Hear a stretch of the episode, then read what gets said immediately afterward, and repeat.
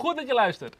Welkom bij Energetisch Ondernemen, de podcast. Mijn naam is Mark Rietvink En ik ben Kim Rietvink. en samen gaan wij je op reis meenemen door de wereld van energetisch ondernemen. Ja, je gaat hier echt een unieke combinatie vinden tussen spiritualiteit en business. En echt bewezen businessstrategieën. En in de afgelopen jaren hebben wij heel veel lessen mogen leren. En vonden wij eigenlijk vooral of spiritualiteit of business.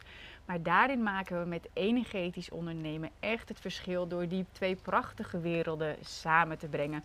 Zodat jij ook een ultiem vrij leven kunt creëren met een succesvol eigen bedrijf. Nou, in de afgelopen jaren hebben we honderden vrouwen op deze journey en op deze manier van energetisch ondernemen mogen begeleiden. We faciliteren namelijk ook verschillende programma's, maar daarover later meer. We wensen je heel erg veel plezier in deze aflevering. Oeh, dit is een mooie vraag. Een vraag aan jou, eh, Kim. Bo? Hoe heb jij je energie weer opgebouwd sinds je burn-out? Hmm.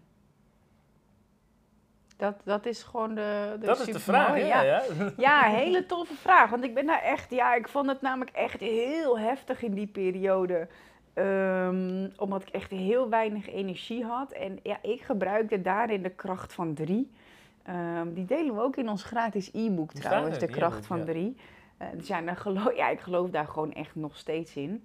Ehm, wat ik deed, ik had dus de kracht van drie.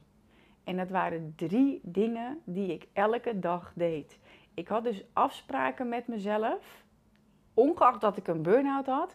Maar wat ik deed, ik deed elke dag schrijven. Ik weet de derde alleen eigenlijk niet meer, zeg ik, moet ik nu eerlijk zeggen. Denk hoor. Nou, ik deed elke dag schrijven. Ja. Ik ging elke dag wandelen. En ik deed elke dag. Oh ja, ik moest elke dag om tien uur uit bed. Oh ja. Dat was het. Ja, ja, ja. Vet. Hey, super thanks voor deze vraag. Want ik was weer. Ja, ik word helemaal teruggebracht naar die periode. Dat ik echt. Dat, dat was mijn houvast. Dat was echt mijn houvast. Ik kon echt heel weinig aan. Mhm. Maar de hele dag in bed liggen diende me niet. Had ik ook gedaan, maar daar werd ik heel ongelukkig van. Dus ik moest elke dag om tien uur uit bed. Dat deed ik. En ik moest elke... Ja, moest klinkt weer een beetje zwaar, maar Had het, met mezelf afgesproken. het, ik had met mezelf afgesproken dat ik dat deed, omdat het me echt diende. Elke dag schrijven, een kwartier en elke dag wandelen. En wandelen kon een rondje om ons blok zijn. Nou, dat was vijf minuten. Precies. Of dat kon een wandeling door het natuurgebied zijn. Ehm, en dat liet ik echt van mijn energie afhangen, hoe ver ik letterlijk kon komen.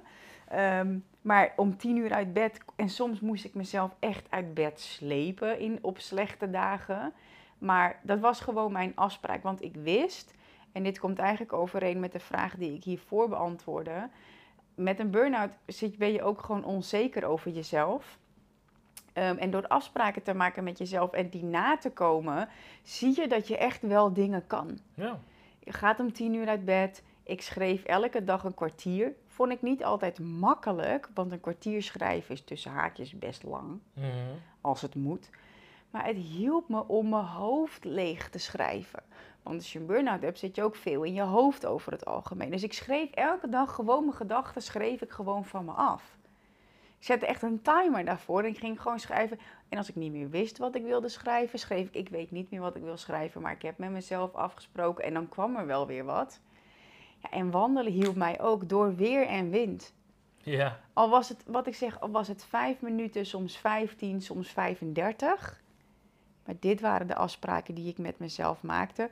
En van daaruit ehm, kreeg ik energie om online programma's te volgen. Ja. En keek ik elke dag een filmpje eh, van Matthijs destijds.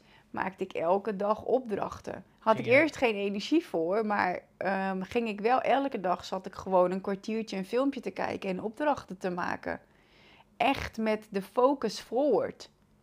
ja, Ehm, dan ging je ook weer naar de sportschool. Ging je weer... ja, uiteindelijk. eh, en dat is het belangrijke. Stap voor stap. En ja, goed, ik heb uiteindelijk heel veel gedaan. Maar dankbaarheid is natuurlijk een van de hoogste frequenties. Dus ik sloot mijn dag af met een journal. Dat waren 30 vierkantjes. En elke dag schreef ik drie hele kleine dingen op waar ik gelukkig van werd die Ja. dag.